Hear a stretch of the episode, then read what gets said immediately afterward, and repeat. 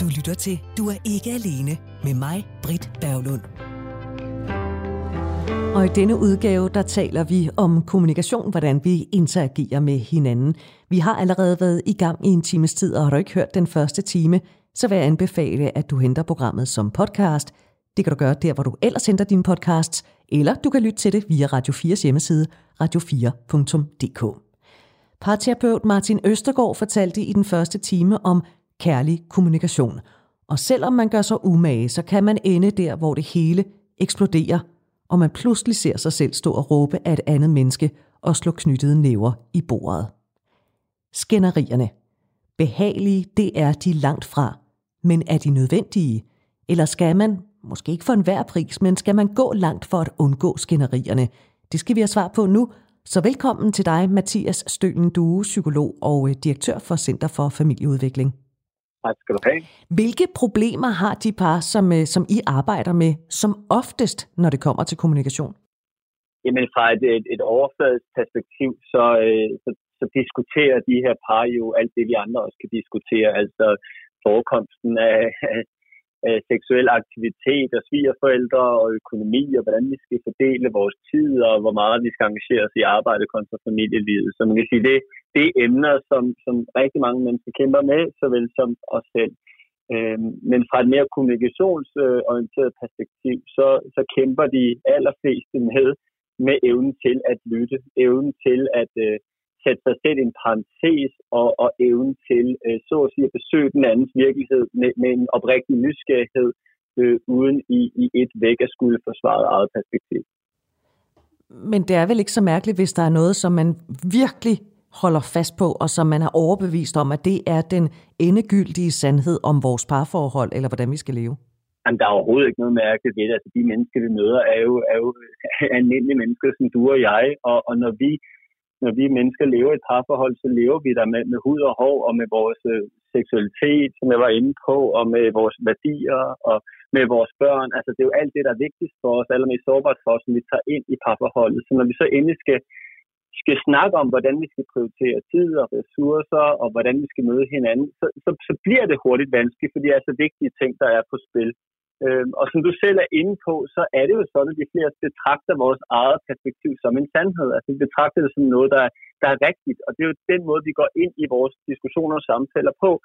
Øhm, noget af det, som, som vi jo så bliver optaget af, øh, bare for at, at løfte sløret lidt for, for vores metode, det er jo at, at hjælpe mennesker til øh, at, at, at udfordre ideen om, at det, de bringer ind, er sandhed. Altså vi prøver på psykologsprog at skelne mellem en sandhedsdiskussion og en perspektivsamtale, og det lyder måske lidt nørdet, men hele pointen består jo i, at der er en alverdens forskel på, at vi går ind i en samtale, hvor vi prøver at komme med et perspektiv, prøver at udfolde det, for derefter at høre på vores partners perspektiv, eller vi går ind i en, i en krigszone, hvor, hvor det handler om at vinde kampen. Fordi hvis vi kun ønsker at vinde kampen eller vinde diskussionen, så kan vi ende med at vinde den, men tabe relationen.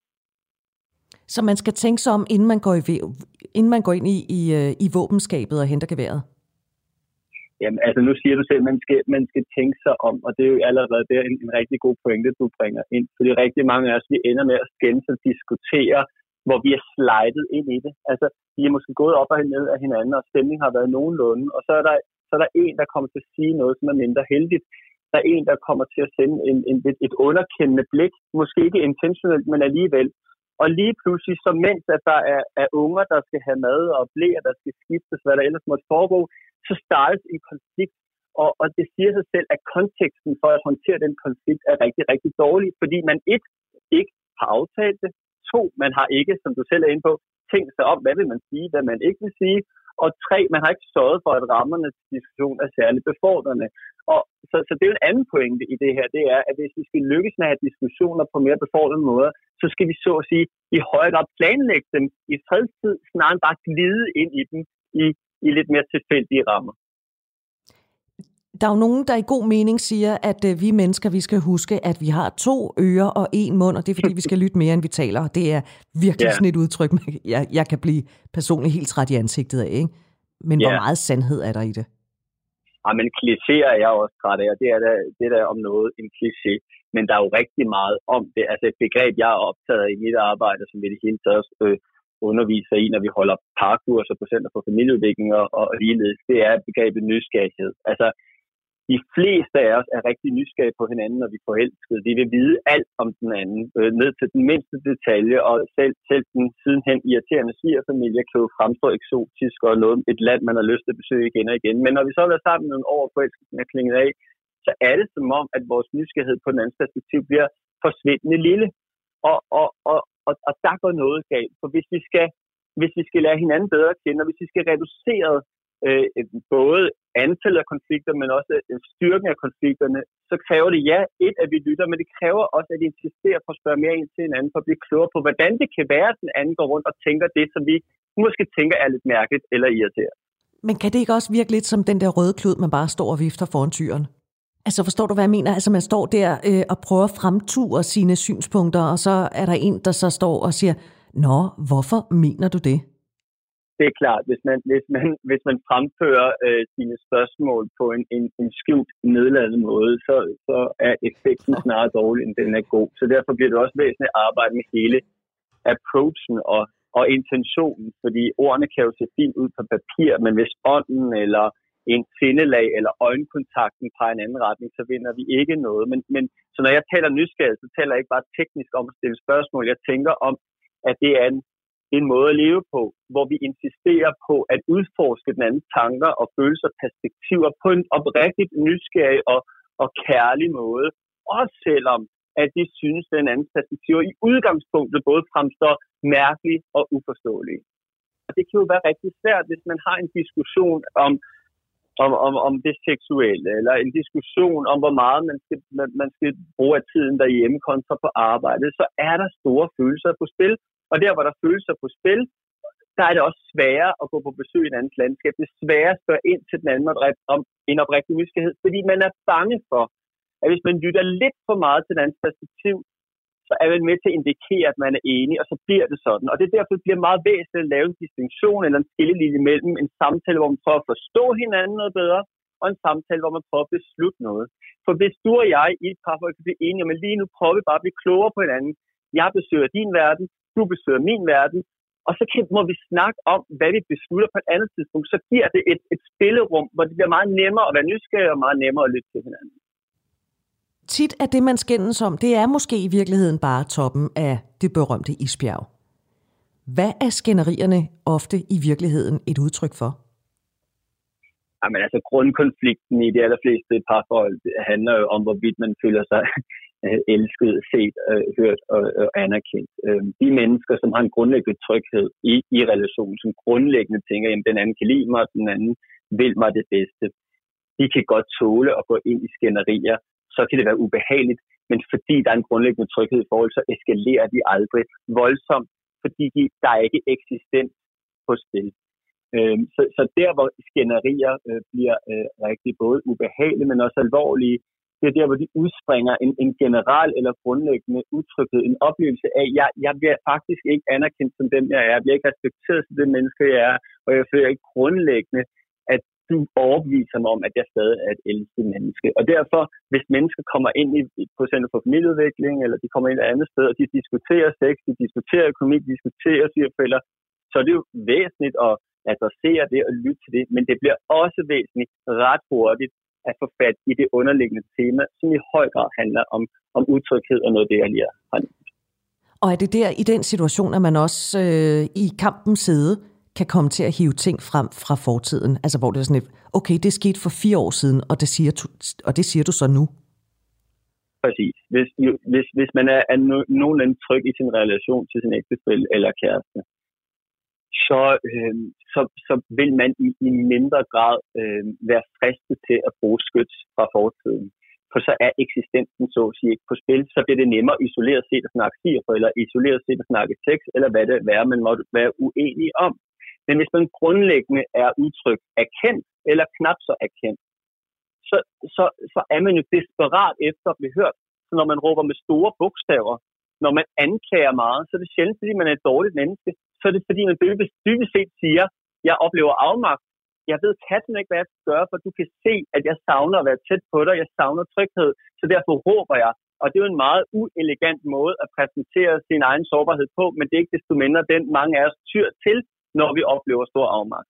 Og den afmagt bliver væsentlig at få fat på, så vi kan tale om alt det, der er svært på en sårbar og blød måde, snarere end på den hårde konfliktuelle måde, som mange af os ender med at, at tale om tingene på.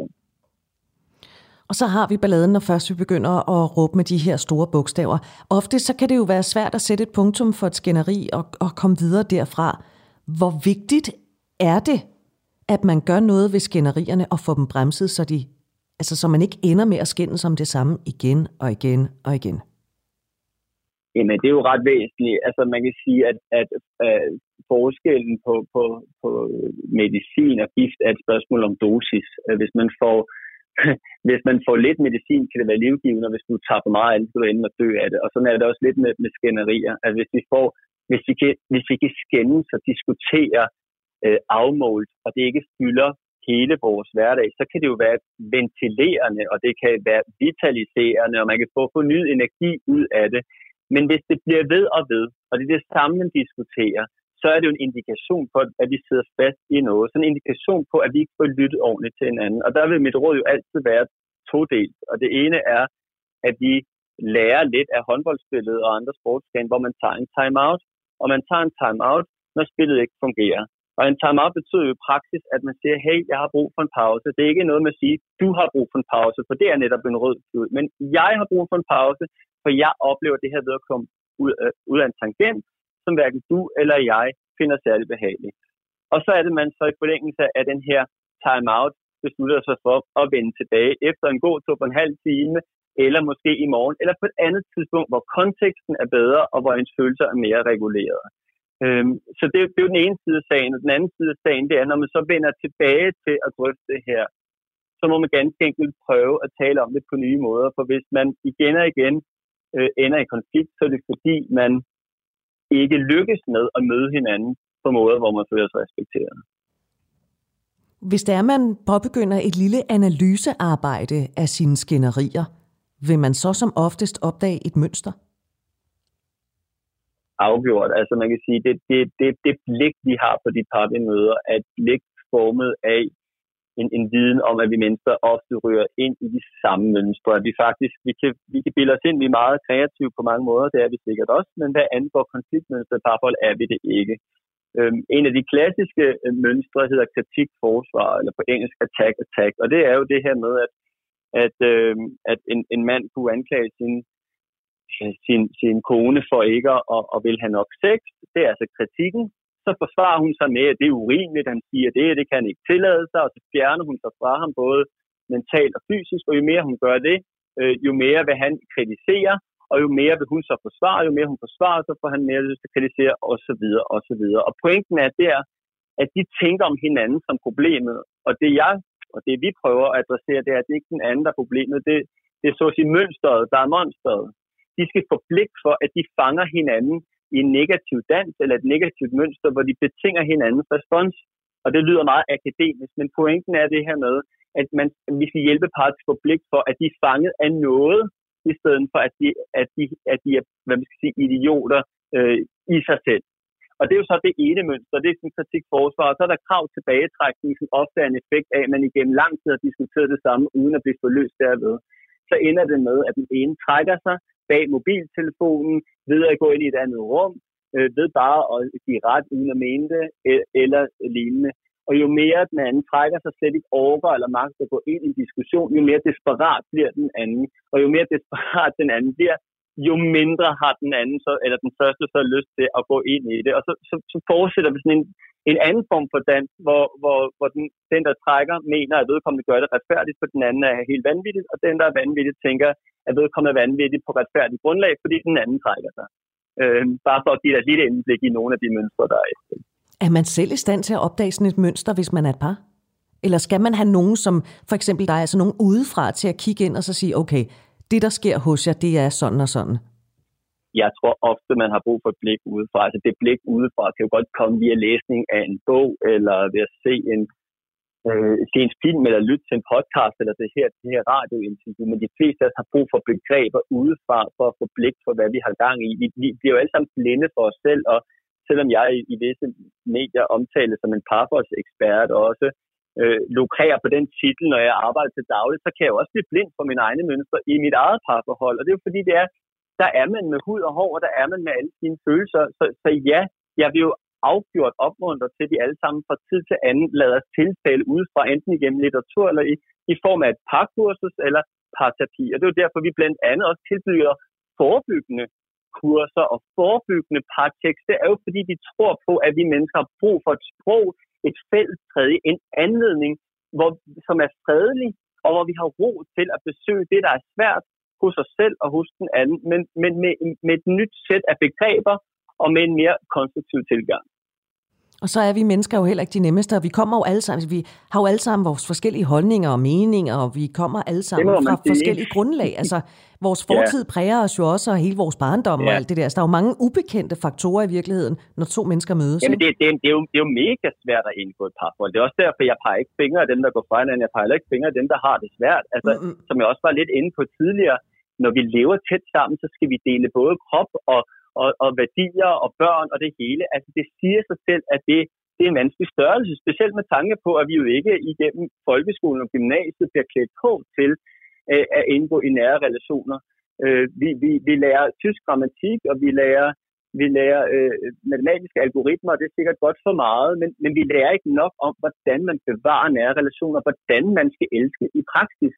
Øh, og derfor går jeg da klart ind for et dannelsesideal, hvor vi i langt højere grad sætter fokus på ikke bare på selvudvikling, men på relationsudvikling. Hvordan kan de mennesker blive mere kompetent ud i, i at elske? Hvordan kan de blive mere kompetent i kærlighed? For jeg tror på, og har også en vis erfaring med, at der, hvor vi netop får lidt flere begreber på, hvordan man har en konflikt på en konstruktiv måde, hvordan man tilsidesætter eget behov, når man ellers synes, man har noget ekstremt vigtigt på hjerte, der, øh, der kan der komme rigtig meget øh, godt ud af det.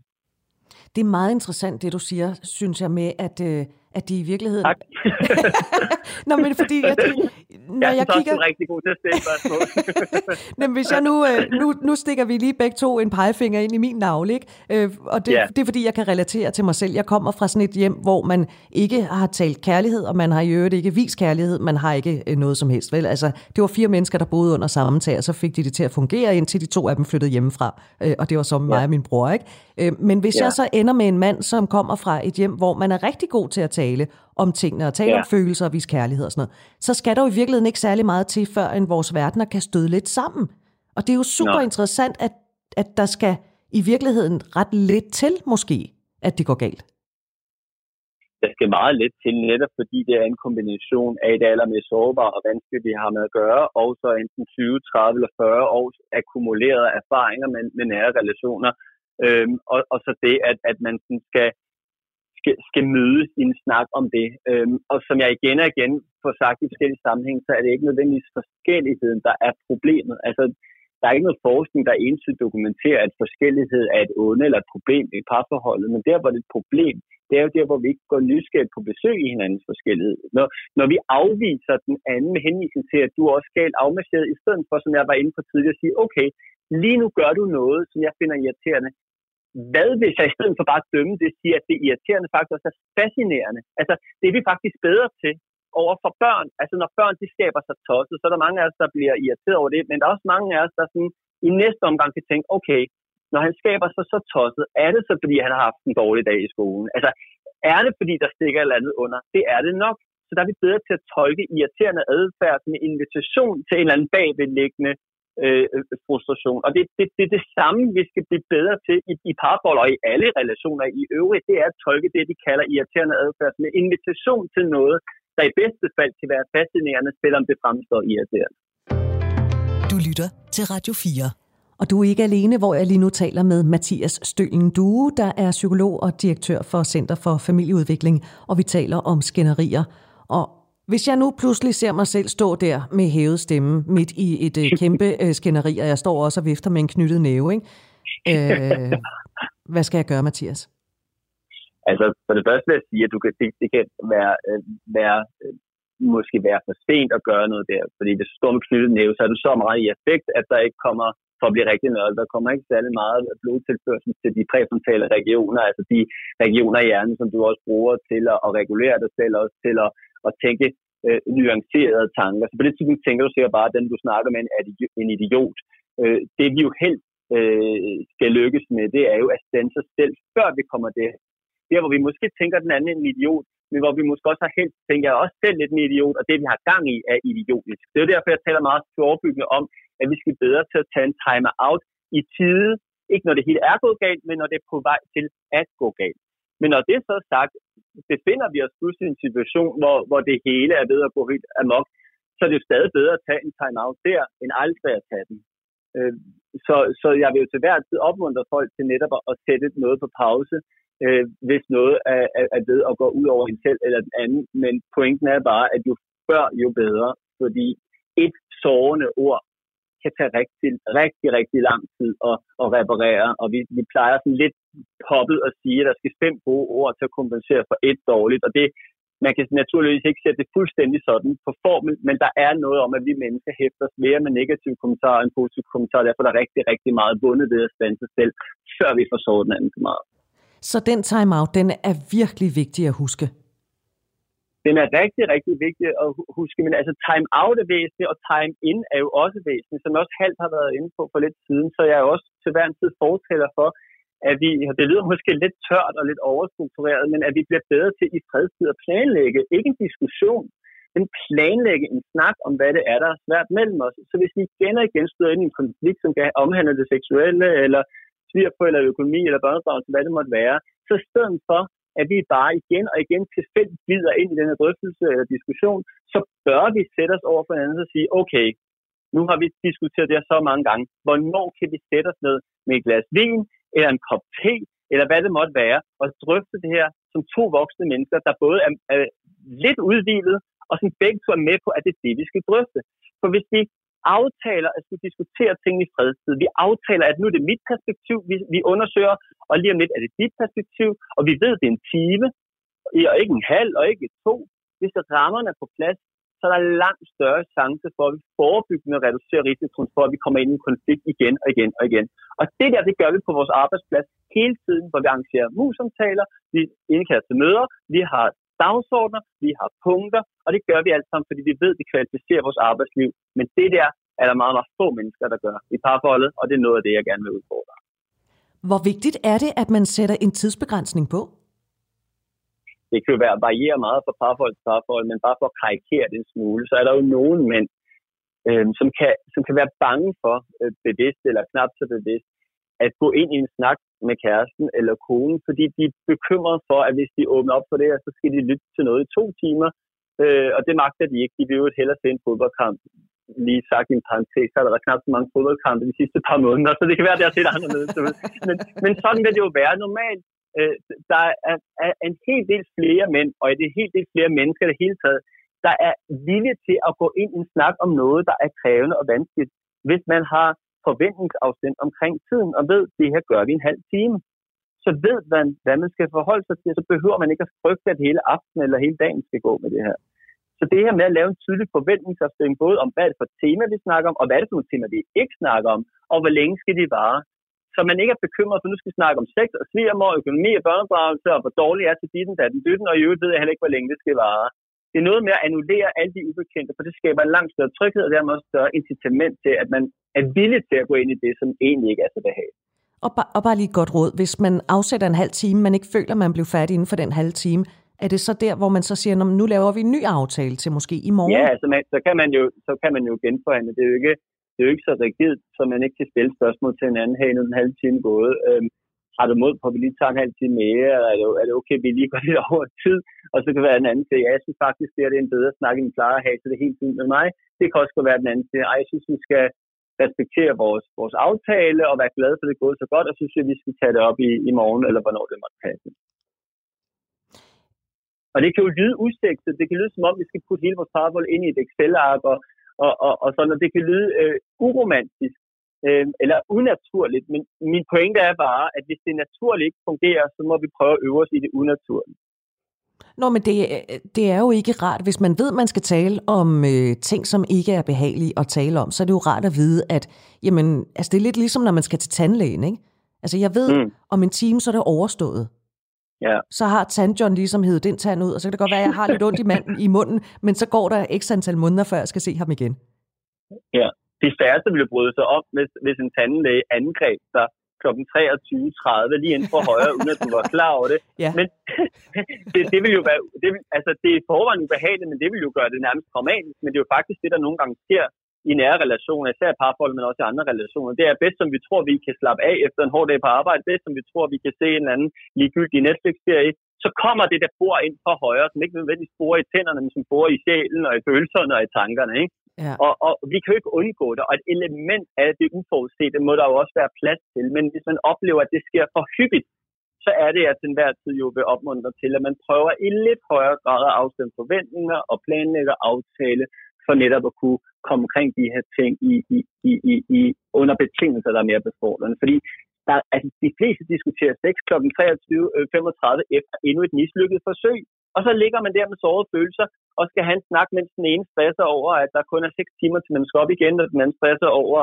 øh, hvordan ens øh, krop ser ud. Og det samme med børneopdragelse, at, at det, er jo, det er jo, når børnene de råber og skriger, man bliver vrede på hinanden, så tænker man, at så skal man samtidig med at håndtere de her øh, affektprægede unger, skal man også lige håndtere, hvad man tænker om børneopdragelse. Det er bare utroligt dårligt dejligt så træk vejret og tænk sig om. Men hvis nu man ikke når at trække vejret og tænke sig om, og den kører lidt ud af en tangent, og man lige pludselig ender i det der skænderi, hvor vigtigt er det så at komme godt ud af et skænderi, og hvordan gør man det? Ja, jamen det er, det, det, det er jo meget vigtigt. Altså jeg har lyst til at sige, at jeg ikke er fortæller for en form for demonisering af, af skænderi. Altså konflikter må til et vist niveau godt være der, og hvis man, som vi har været inde på, har en grundlæggende tryghed i relationen, så, så, så, så at, at det er også okay med skænderi en, en gang imellem. Altså, der er også forskning, der peger på, at skænderier er knap så alvorlige, hvis vi bare er gode til det, man så kalder repair attempts, eller reparationsforsøg. Og et reparationsforsøg kan se ud på mange forskellige måder. Det klassiske reparationsforsøg, det er jo at sige, hey, undskyld, jeg kvarede mig. Det, det, det er jeg virkelig ked af. Øhm, men nogen har det også vanskeligt ved at sige undskyld, og kan benytte andre former for reparationsforsøg. Det kan være en selvironisk kommentar, ja, jeg er godt nok god til det der kommunikation, var, hvor man også indikerer, at jeg er med på, at det ikke var så elegant gjort af mig. Man kan give knus og et kram, og det må man knap så meget i coronatiderne, men hvis det er ægtefælden og kæresten, så, så må man det dog alligevel, øh, som også er en form for reparationsforsøg. Øh, man kan kende den anden kop kaffe, man kan, man kan gøre øh, syv andre ting. Pointen er bare, at det er ret væsentligt, at vi øh, har det her for øje, og jo før, jo bedre. For hvis der går flere timer eller flere dage fra et skænderi, til vi prøver at reparere, så kan den anden nå at tænke rigtig mange tanker om, hvor dårligt forhold man har, og hvor lidt man føler sig forstået. Så, så min pointe er, skænderi er ikke så farligt, men det er det kun, hvis det er, at vi tydeligt prioriterer de her reparationsforsøg, som jeg prøver at sige lidt om. Men det kan jo, altså Mathias, det kan jo være så vanvittigt svært og kaste sig ja. ud i et reparationsforsøg, og så er der nogen, der vælger the silent treatment, øh, fordi så kan ja. jeg da i hvert fald ignorere dig de næste par dage. Og når ja. jeg først har gjort det, så er jeg jo kommet helt derud, hvor jeg ikke aner, hvordan fanden jeg kommer tilbage igen, ikke? Øh... Ja. Men, prøv, men prøv at høre, alt det, jeg snakker om, er skidesvært for at sige det lige ud. Jeg, jeg påstår ikke, at, at nogle af mine såkaldt gode intentioner her er nemme, og det er også derfor, jeg, jeg jo generelt øh, synes, det er en god idé, at folk i højere grad opsøger øh, professionel inspiration. Altså, der er rigtig mange, der først øh, går i parterapi, når de er øh, stort set tæt på at opgive. Folk kommer enten i 10. 11. men også nogle gange i 13. time, der hvor det er for sent. Det er derfor, vi generelt jo optaget en mere forebyggende approach, hvor man bare indrømmer over for sig selv, at det med nære relationer, det er noget frygteligt bøvlet noget. Så lad os da få noget inspiration og noget hjælp til det her. Ikke nødvendigvis 20 samtaler, som man er bange for skal koste alt for meget, men to, tre, fire samtaler til lige og til borgerne er det vanskeligt, mens vi stadigvæk godt øh, kan lide hinanden. Fordi ja, det er møghammerende besværligt at leve i en tæt relation, men alternativet, der hvor vi igen og igen skal fyre hinanden, er heller ikke et specielt attraktivt scenarie nu er der måske en lytter eller to, der tænker, Nå, nu trækker hun den historie frem igen, fordi jeg har nævnt den før, men øh, jeg, jeg, er nødt til, jeg er nødt til lige at hive, at hive den her gamle traver af stallen, ja, det Mathias. Og det er fordi, jeg har en veninde, som har været gift nu i 25 år øh, med den samme mand, vel at mærke. Og hvert år på deres ja. bryllupsdag, der sætter de sig ned, og så drikker de et glas vin eller noget andet, og så holder de, kan man sige, en mus-samtale. De holder ja. simpelthen en, en, en, en mandeudviklingssamtale og en kvindeudviklingssamtale, hvad, hvordan synes vi, at vores parforhold øh, er gået i løbet af det seneste år, og hvad kunne vi godt tænke os at gøre mere af, eller gøre mindre af det kommende år? Kan det være sådan en god lynafleder? Lige tage nogle ting? Øh... Ja, men det er, jo, det, er jo, det er jo smukt. Det er jo taget, det er som taget ud af, af noget af det, jeg selv har skrevet artikler om, hvor jeg så kalder det for en pus, altså en parudviklingssamtale. Og i, i øvrigt så flugter det også fuldstændig med et koncept, der hedder Parcheck, som vi for nogle år siden udviklede med Aarhus Universitet. Altså hele logikken er jo det her med, at vi fra tid til anden, det kan være årligt eller halvårligt, eller, eller med en anden frekvens, kan evaluere på, hvad der er godt. Og det har vi det med at glemme, men, men få mindet hinanden om, hvad man faktisk værdsætter, hvad man faktisk er glad for ved den anden, som vi i en parentes bemærker er rigtig gode til at minde hinanden om, når vi er forelskede, men som vi glemmer sidenhen. Hvis man kan minde hinanden om det, og blive styrket i, at vi faktisk har noget godt kørende, og også kan tage livtag med det, der er svært eller begyndt at blive svært, så er man stillet et langt bedre sted. Altså forskning øh, fra Aarhus Universitet i forbindelse med, at vi lavede øh, partjek og tilbød det til over 100 par, viser faktisk, at et årligt tjek faktisk forbedrer øh, parforholdskvaliteten, at reducere konflikter. Så kan man lykkes med det i, i den private sfære, som, som din veninde øh, gør det, så er det super glædeligt og dejligt. Og hvis man synes, det er for kunstigt, eller man har brug for inspiration til det, så vil jeg til enhver tid opmuntre til, at man får det med, med en tredje person som, som, som guide. Og det er jo lidt sjovt, at når vores øh, bil skal til service en gang om året, det tager vi meget alvorligt, at de fleste af os gør. Ja.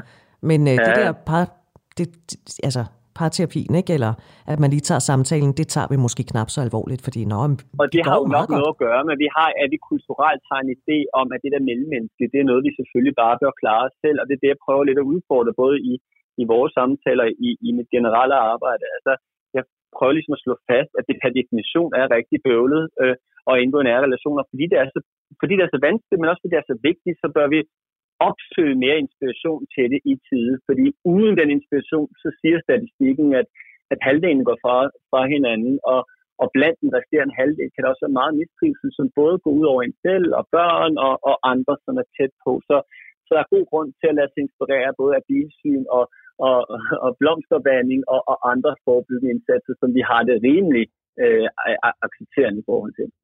Mathias Stølen Due, psykolog og direktør for Center for Familieudvikling. Tak for snakken. Det var rart at snakke med dig. Ja, selv tak. Det var dejligt at han snakke om det, uden at vi kom i konflikt i hvert fald. du lytter til Du er ikke alene med mig, Britt Berglund. Og i denne udgave, der taler vi altså om øh, kommunikation og hvor svært den disciplin kan være for os mennesker. Det er værd at kaste nogle tanker efter, hvordan vi interagerer med andre mennesker, fordi ligesom handlinger har betydning, så har ord det også.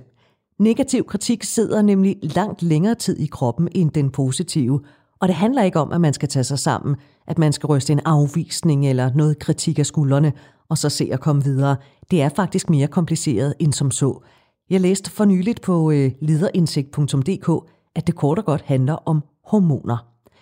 For når vi udsættes for negativ kritik, vi bliver afvist eller vi føler os minimeret, så udløser hjernen kortisol. Det er et hormon, der får os til at føle os mere følsomme, og den effekt, den kan vare 26 timer. Og så påvirker kortisol også vores minder, og jo mere vi tænker over det, jo længere varer effekten. Hvis vi derimod udsættes for positive kommentarer, så udløses oxytocin i hjernen. Det er et lykkehormon, og måske husker du også, at vi har talt om det i det program, der handler om hudsult. Og oxytocin har den effekt, at den gør os langt bedre til for eksempel at kommunikere og samarbejde. Men effekten, den er langt mindre dramatisk end kortisol, og effekten varer også kortere. Tænk, hvis vi alle tænkte mere over, hvad det er, vi siger til andre. Det er kassemedarbejderen eller kundeservice, der skal lægge øre til mejenskæld ud og galle, som i virkeligheden burde blive rettet et helt andet sted hen.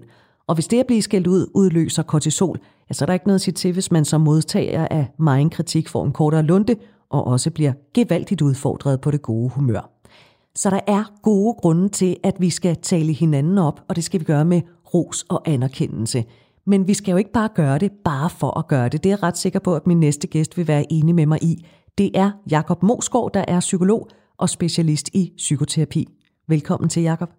Ja, tak skal du have. Vi skal vel ikke rose og anerkende bare for at gøre det? Øh, nej, eller man kan måske sige, øh, vi skal i hvert fald ikke rose bare for at gøre det. Altså ros og anerkendelse er jo er to forskellige ting i, i, min, i mit ordforråd. Altså, så ros, det er selvfølgelig noget, der er en slags bedømmelse, ikke? Så på den måde er det klart, at vi ikke hele tiden skal gå ind og sige, hvor er du dygtig, hvor er du flot, hvor er det alt muligt. Altså, så, fordi så får vi ligesom også hele tiden bedømt folk. Lidt ligesom hvis vi kritiserer folk. Det er jo også det, der bliver udmattende, at man hele tiden er til bedømmelse. Ikke? Så på den måde er kritik og ros er jo to sider af samme mønt på mange måder, fordi det handler jo om, at der er nogen, der vurderer, hvordan jeg har præsteret noget. Hvis vi kigger på ros og anerkendelse, at vi skal lægge brækkerne fuldstændig rigtigt, hvad mm-hmm. er så helt konkret forskellen på de to? Altså, den måde, man tit skiller de to ord ad, og det, det, det, fordi det faktisk kan give mening at skille det det er, at, øh, at uh, ros, det er, når man siger, at nogen har gjort et eller andet flot. Ikke? Altså, det er jo sådan en slags uh, pil op. Det vil sige, det er i familie med en god karakter i skolen, eller hvad det nu kan være. Ikke? Altså, at, uh, at uh, man siger til sit uh, barn, nej, hvor er det en flot tegning, du har lavet. Ja. Eller siger til sin kæreste, nej, hvor har du været dygtig med din opvask. og ofte så er det jo, for eksempel det med opvasken, det er jo, det er jo typisk en slags ros, der handler om, ej, hvor har du været dygtig til at gøre det, som jeg synes, du skulle gøre, for eksempel. Ikke? Og på den måde, så er ros nogle gange noget med, om man har, ros handler tit om, om præstation, ikke? Og, og der er meget livet, der ikke bare handler om præstation.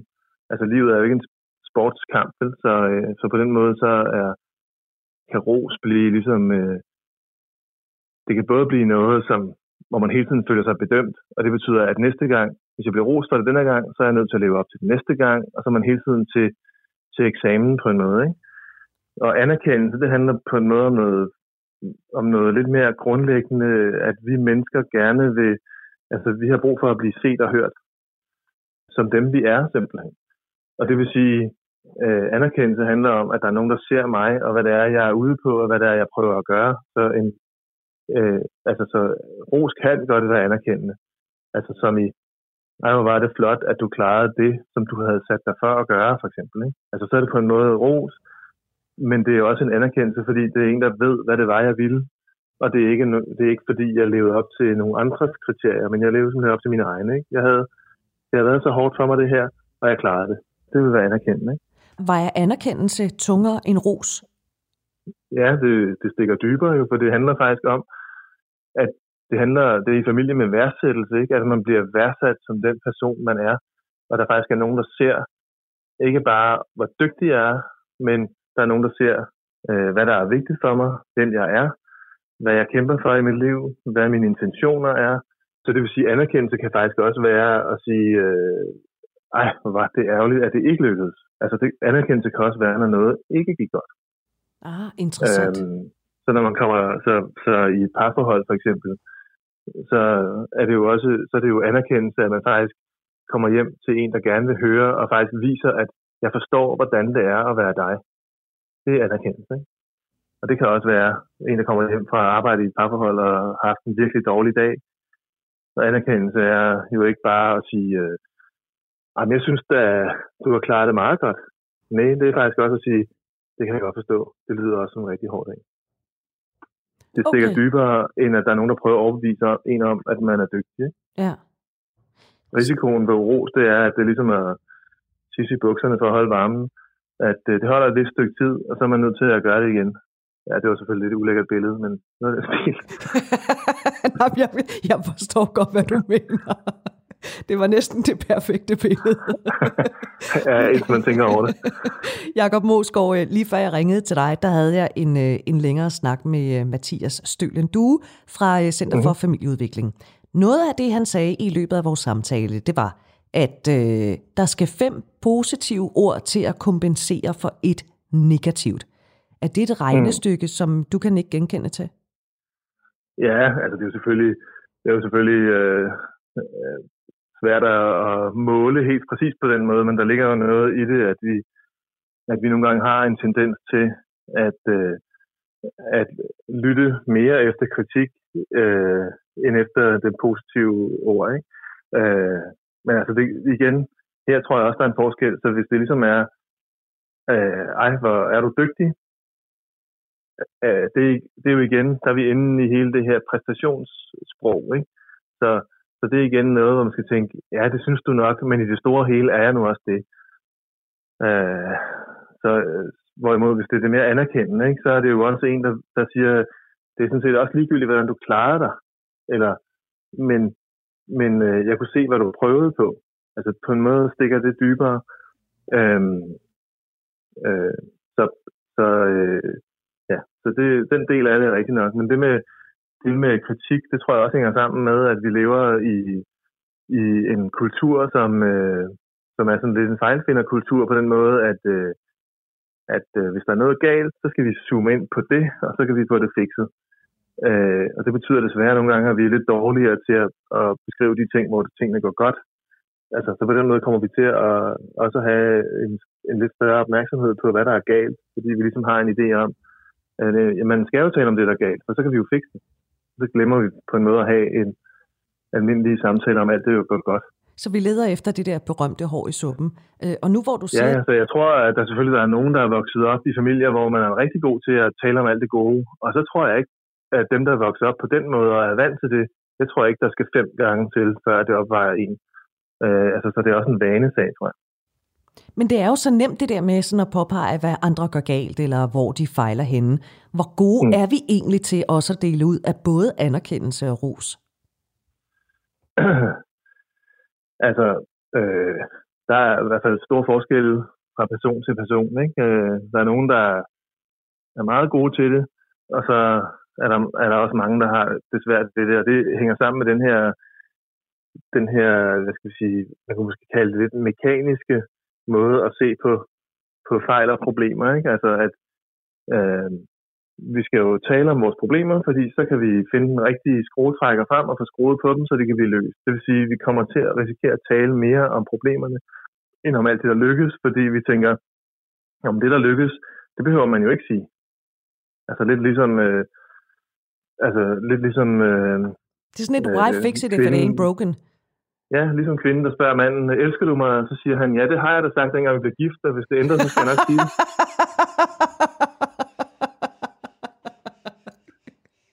Ja, nogle gange skal vi sige det lidt mere alligevel.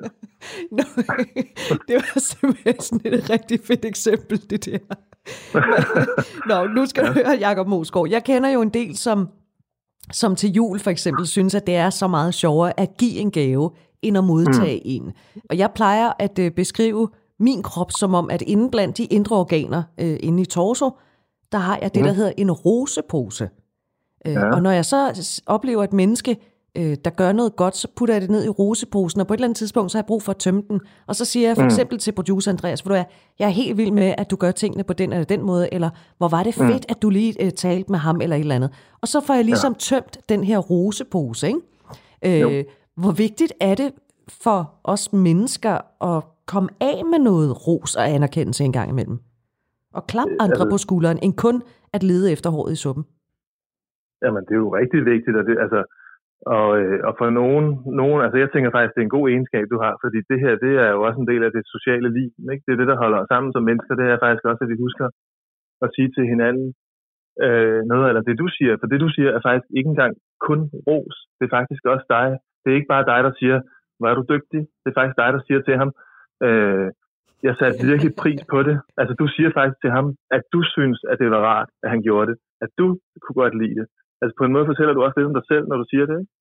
Så det er en rigtig, altså det, mit bud er, at din producer bliver rigtig glad for de to kommentarer, fordi det er på en måde dig, der siger, at øh, det her var jeg rigtig glad for, du gjorde. Altså på den måde gav du lidt af dig selv, hvorimod noget ros kan risikere at blive sådan lidt fra, som om man står fra en eller anden højere position og kan se ned på en anden og sige, nej, hvor var du dygtig, lille ven. Ikke? Men det er jo ikke det, du siger til ham. Du siger, faktisk, du siger det faktisk på en måde, hvor du viser ham, at øh, det bliver du faktisk glad for, at det gik sådan, at han gjorde det her. Og nu, nu sidder jeg... Altså... Og det, det er det sociale liv, så det er skide godt. Altså producer Andreas sidder over for mig, jeg sidder og kigger på mig, så tænker jeg, gå ved, om jeg i virkeligheden har siddet og stukket dig en løgn, Jacob Mosgaard. Men jeg tror måske, jeg har sagt Jamen, noget eller det til ham det. før. Ja, men nu begynder jeg nemlig på det, for jeg vil også godt være et godt menneske. Men øh, hvad, bet, hvad betyder det for, for os, når andre anerkender os og roser os øh, og fortæller os om det? Altså det betyder, altså det, det er jo også derfor, jeg synes, det var vigtigt at skille de to ord ad, ikke? fordi den anerkendelse, øh, som handler om at sige, at man bliver set og hørt. Ikke? Og altså, det betyder virkelig meget for os, fordi vi mennesker er jo sociale væsener, så vi, det betyder meget for os, at vi ikke er usynlige. Ikke? At der faktisk er nogen, der har set, hvad det er, jeg prøver på, hvem det er, jeg er, hvad mine værdier er, hvad jeg står for. Er der faktisk nogen, der siger, det her, det er lige dig, eller ej, hvor var det fedt det her, eller et eller andet. Og den anden del af det, det var, synes jeg også var et rigtig godt eksempel, det du, de to eksempler, du kom med, ikke? det er, at det betyder utrolig meget for os, at, at få at vide af andre, at vi har betydet noget for dem. Og på en måde er det jo det, vi lidt i mit mindre udstrækning siger, når vi siger, det du gjorde, gjorde mig glad, eller det var jeg glad for, eller ej, hvor blev det et godt program, vi fik lavet i dag, eller, eller hvis man sidder med sin øh, kæreste, ikke? Øh, så betyder det også noget at sige, jeg har simpelthen haft sådan en god aften sammen med dig, eller hvis man nu er på date, ikke? så betyder det noget at sige det, frem for at sige, hvor ser du flot ud. Fordi det er bare en slags ros, som, er, som på en måde betyder, at man næste gang tænker, Nå, men så havde, hvad så hvis han ikke havde set mig i det her så havde han så ikke sagt det, eller et eller andet, ikke? Altså, her der handler det om, du og jeg sammen, det har været rigtig dejligt. Det er livsnødvendigt for os som mennesker at have den slags samtaler med nogle mennesker. Mm, og hvem af os vil ikke også gerne være noget for andre? Altså, det er jo det er jo ja. en del af den menneskelige natur.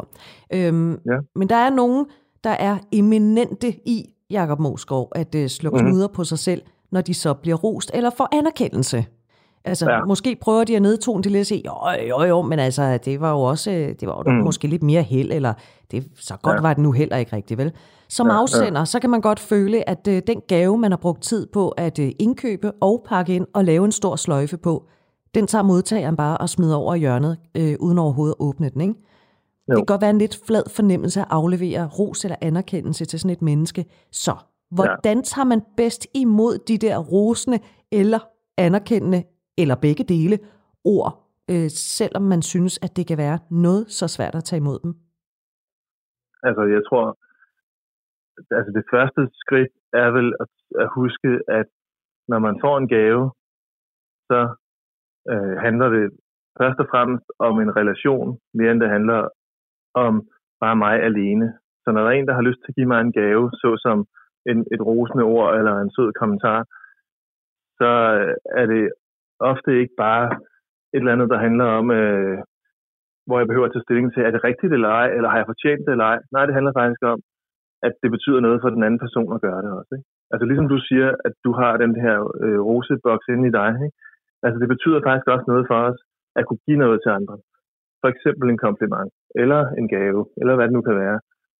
Og vi gør det ikke, og vi gør det selvfølgelig for at få noget igen, men det vi tit gerne vil have igen, det er i hvert fald en eller anden slags øh, følelse af, at øh, det, det satte jeg pris på, at du gjorde for mig. Ikke? Altså en slags øh, gensidig anerkendelse ligger der i det. Ikke? Mm. Så når man ikke tager imod det her, så øh, kan det blive øh, svært for den, der giver noget, øh, måske ovenkøbet akavet nogle gange, fordi at der faktisk er en eller anden social kontrakt, man bryder nu, kan man godt sige, ikke? fordi man, øh, man siger, værsgo, og så, og så får man ikke noget svar tilbage. Ikke? Altså, så man skal huske, at det, at det er mere et socialt spil, mere end det handler om, er det rigtigt eller forkert? Har jeg fortjent det eller ej? For jeg tror nemlig tit, det er det, der handler om med dem, der har svært ved at tage imod det her. Det er, yeah. at, øh, at det svarer måske ikke lige overens til, øh, med hvordan de selv ser på sig selv. Ikke? Altså, øh, jeg kan ikke lide at fremhæve mig selv, eller Øh, eller jeg synes ikke så godt om mig selv, som, som hun siger, jeg er, så det, så det passer jo ikke. Ja, øh, ens selvbillede kan jo godt blive lidt forvrænget. Ja, ja, og man tror, altså der findes jo mange, der ikke selv tænker, at de er så fede, som de bliver øh, fremhævet til at være, og ja, man kan selvfølgelig godt forstå det med dem, der får alt for meget ros og altså nogle ting, altså så kan man godt få nok, ikke? men men øh, den, altså, den kategori altså, ja, nu er jeg ikke i, nu.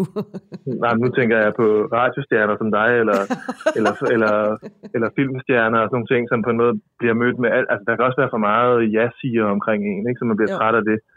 Men, men nu tænker jeg også bare, i det daglige trummerum, så er det jo også, der er det i hvert fald godt at huske, at det også er, det handler i virkeligheden meget mere om relationen, end det handler om mig som person kun.